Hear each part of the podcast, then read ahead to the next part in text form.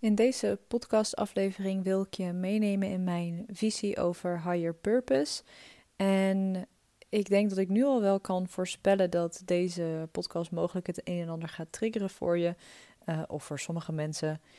Um, omdat ik van mening ben dat een higher purpose hebben eigenlijk de grootste onzin is. En vaak ook een ego trap is voor behoorlijk wat spiritueel ondernemers.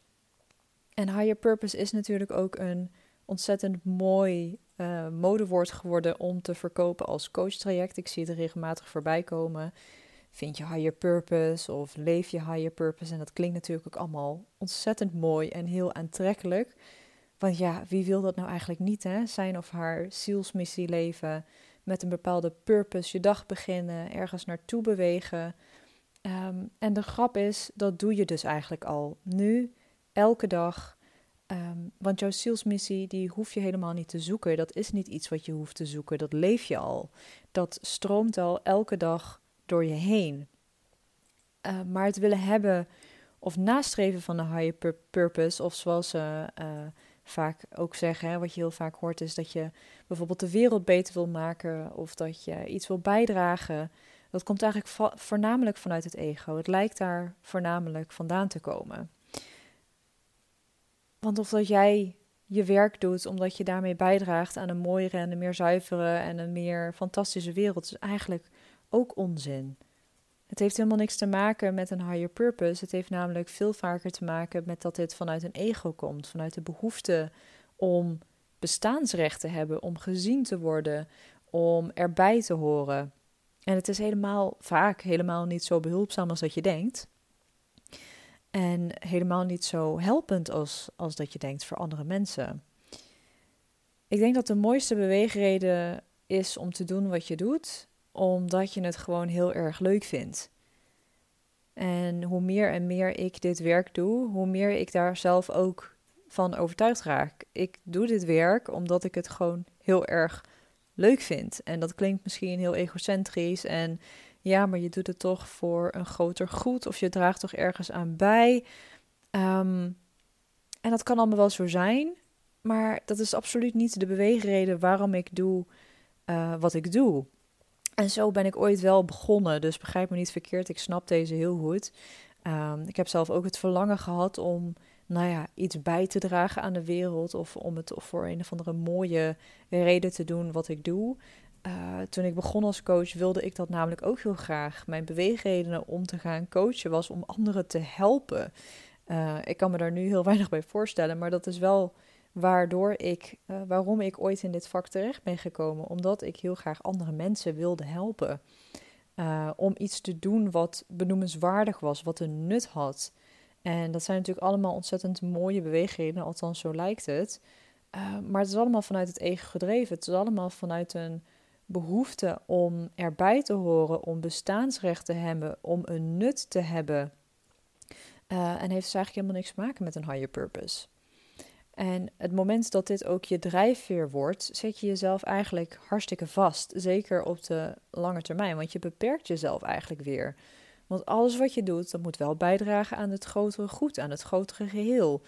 Um, wat je doet moet wel mensen helpen. Nou ja, en hoe meer je iemand wil helpen, hoe minder je vaak iemand helpt. Maar dat even terzijde. Um, wat je doet is vooral heel erg serieus en heel belangrijk. Waardoor plezier maken en spelen en proberen en gewoon lekker um, uh, ook fouten maken. Nou ja, als die er al, al zijn, als je die al zo kunt benoemen, wordt heel moeilijk en wordt bijna onmogelijk zelfs. Um, en wat je doet, moet je vooral blijven doen, want alleen dan ben je ook daadwerkelijk iets waard. Alleen dan, nou ja, hoor je erbij, mag je erbij horen uh, en heb je bestaansrecht in het leven. En zo'n higher purpose ben ik dus van mening dat het gewoon niet je drijfveer zou moeten zijn. Dat dat een bijkomstigheid is of dat dat een uh, uitkomst is van hetgene wat je doet. Dat is het tweede. Dat is natuurlijk hartstikke leuk. Um, dat je impact misschien maakt op het leven van andere mensen. Maar als ik heel eerlijk ben, mij maakt het niks uit of ik impact maak. Het boeit mij oprecht niet of ik impact maak of niet. En dat heeft er niks mee te maken met dat ik uh, niet om andere mensen zou geven. Of dat ik, uh, nou ja, weet ik veel wat voor, wat voor reden je zou kunnen bedenken. Um, maar doordat het mij niet uitmaakt, kan ik ook mijn werk zo goed doen. Dat zorgt er namelijk voor dat ik kan zeggen wat er nodig is, ook als dat, nou ja, misschien vervelend overkomt of zelfs mijn klant zou kunnen kosten, um, maar wel nodig is om gezegd te worden. En als ik uh, een beweegreden zou hebben dat ik heel graag wil helpen of dat het een bepaalde uitkomst moet hebben, dan ben ik eigenlijk al niet meer vrij om mijn werk te kunnen doen. Je zet jezelf er echt in, in vast.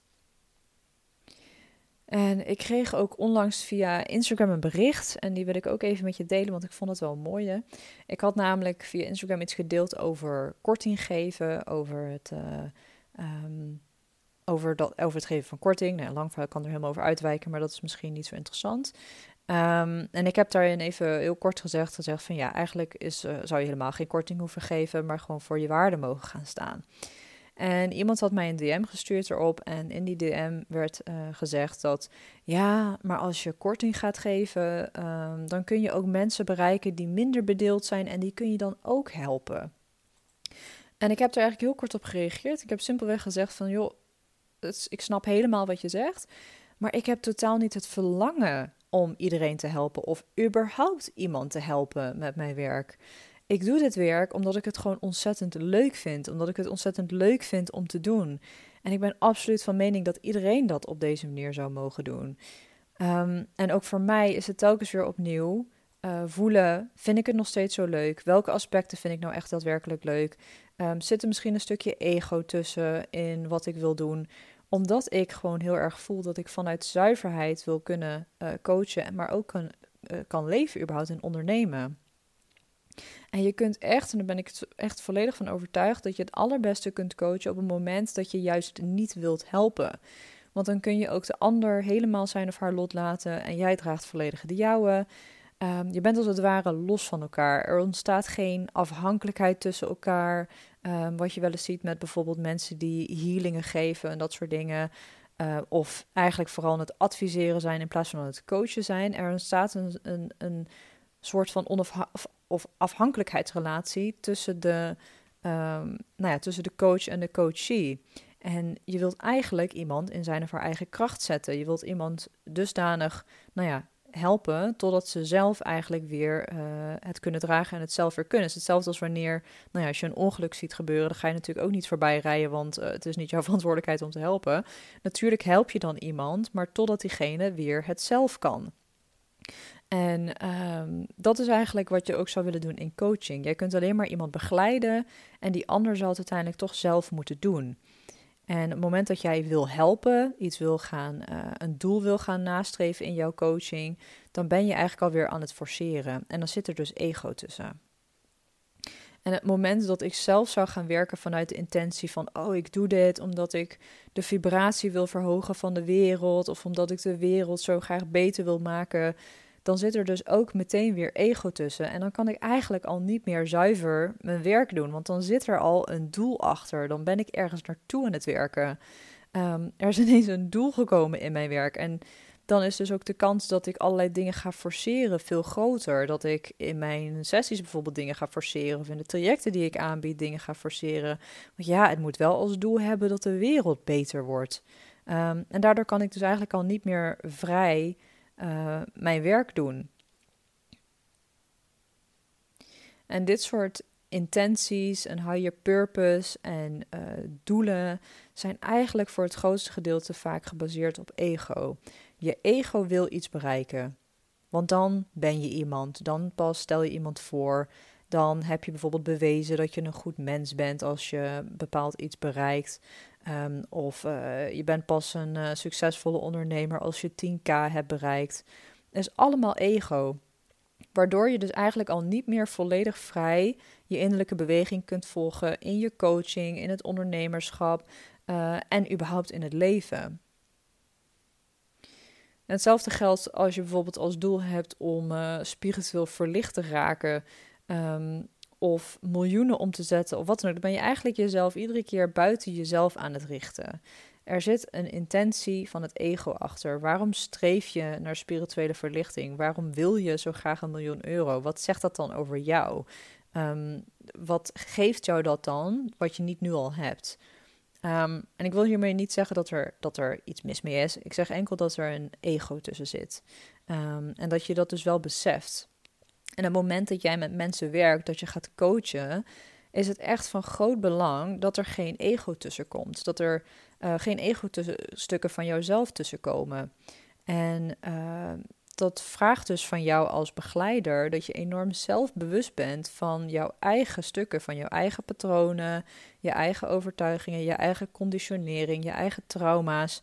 Um, dat je die mogelijk ook zoveel mogelijk aangaat. Dat je echt naar de pijn toe beweegt, zodat je ook zoveel mogelijk innerlijk vrij kunt zijn. Um, en voor de rest vraagt het natuurlijk gewoon heel veel zelfbewustzijn. Want op het moment dat jij weet wat van jou is, um, kun je ook vanuit een zuivere blik uh, naar je coachie kijken, in je coaching bezig zijn. Daarnaast is het zo belangrijk dat je het niet wilt begrijpen wat er gebeurt, dat je niet wilt helpen, dat je niet allemaal wilt analyseren en wil weten eigenlijk wat er gebeurt. Want pas dan kun je ook van binnenuit uh, kan er een impuls ontstaan voor bijvoorbeeld een interventie of een vraag die gesteld mag worden of iets wat gezegd wil worden. En dan laat je het als het ware door je heen stromen, dan dat je vanuit je mind met allerlei methodieken die je hebt geleerd eigenlijk probeert te bedenken en te forceren wat je zou moeten doen. En zeker wanneer je met systemisch werk werkt of met opstellingen werkt, um, maar eigenlijk in alle vormen van coaching is dit zo belangrijk. En het moment dat jij dus een hoger doel aan het najagen bent, is de kans gewoon groot dat dit zich gaat weerspiegelen in jou als coach en je dat dus ook gaat merken in je uh, in je coaching sessies. En het mooiste wat je kunt doen om dit soort dingen te voorkomen, is om jezelf gewoon regelmatig vragen te stellen als waarom wil ik dit nou eigenlijk? Wat is mijn beweegreden van wat ik nu doe? Uh, waar komt dit verlangen vandaan? Wat probeer ik daarmee te bereiken? Wat probeer ik daarmee te bewijzen? Dat is ook een hele mooie vraag om te stellen, omdat er, uh, dat ik gewoon weet dat er heel veel mensen vanuit een mate van bewijsdrang allerlei nou ja, doelen aan het najagen zijn. Um, en je eigenlijk nooit echt die voldoening gaat voelen als die je hoopt dat je ermee bereikt. Omdat het je nooit gaat geven op de diepere laag wat je hoopt te bereiken. Namelijk dat je gezien gaat worden en meestal door een vader of door een moeder. Um, en je dus eigenlijk altijd uh, onvervuld blijft. Dus het mooiste wat je kunt doen is iedere keer weer opnieuw naar binnen keren, op jezelf richten. En voelen wat voor jou belangrijk is op een diepere laag, los van het ego. Um, en eigenlijk naar zo'n niveau naar binnen keren dat er als vanzelf een impuls kan ontstaan. Op het moment dat jij je kunt overgeven in ik weet het gewoon niet. Um, ik wil het niet begrijpen, ik hoef het niet te begrijpen. En stil wordt, naar binnen keert, op jezelf richt. Dan kan er ineens een impuls ontstaan om dus ook een actie te ondernemen. Om een interventie toe te passen als het gaat over familieopstellingen. Um, maar ook in het ondernemerschap om bijvoorbeeld iets nieuws neer te gaan zetten. Uh, een boek te schrijven of wat er dan ook in je opkomt.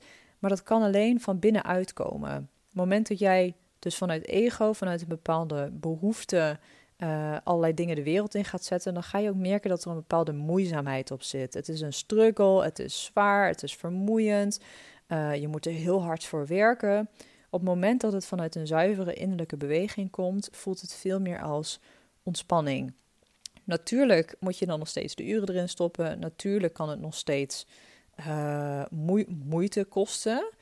Um, maar je ervaart op een dieper niveau bepaalde moeiteloosheid. Het gaat veel meer als vanzelf. En de hobbeltjes die je tegenkomt, nou ja, dat zijn dan van die dingen die je tegenkomt. En daar kun je gemakkelijk mee dealen.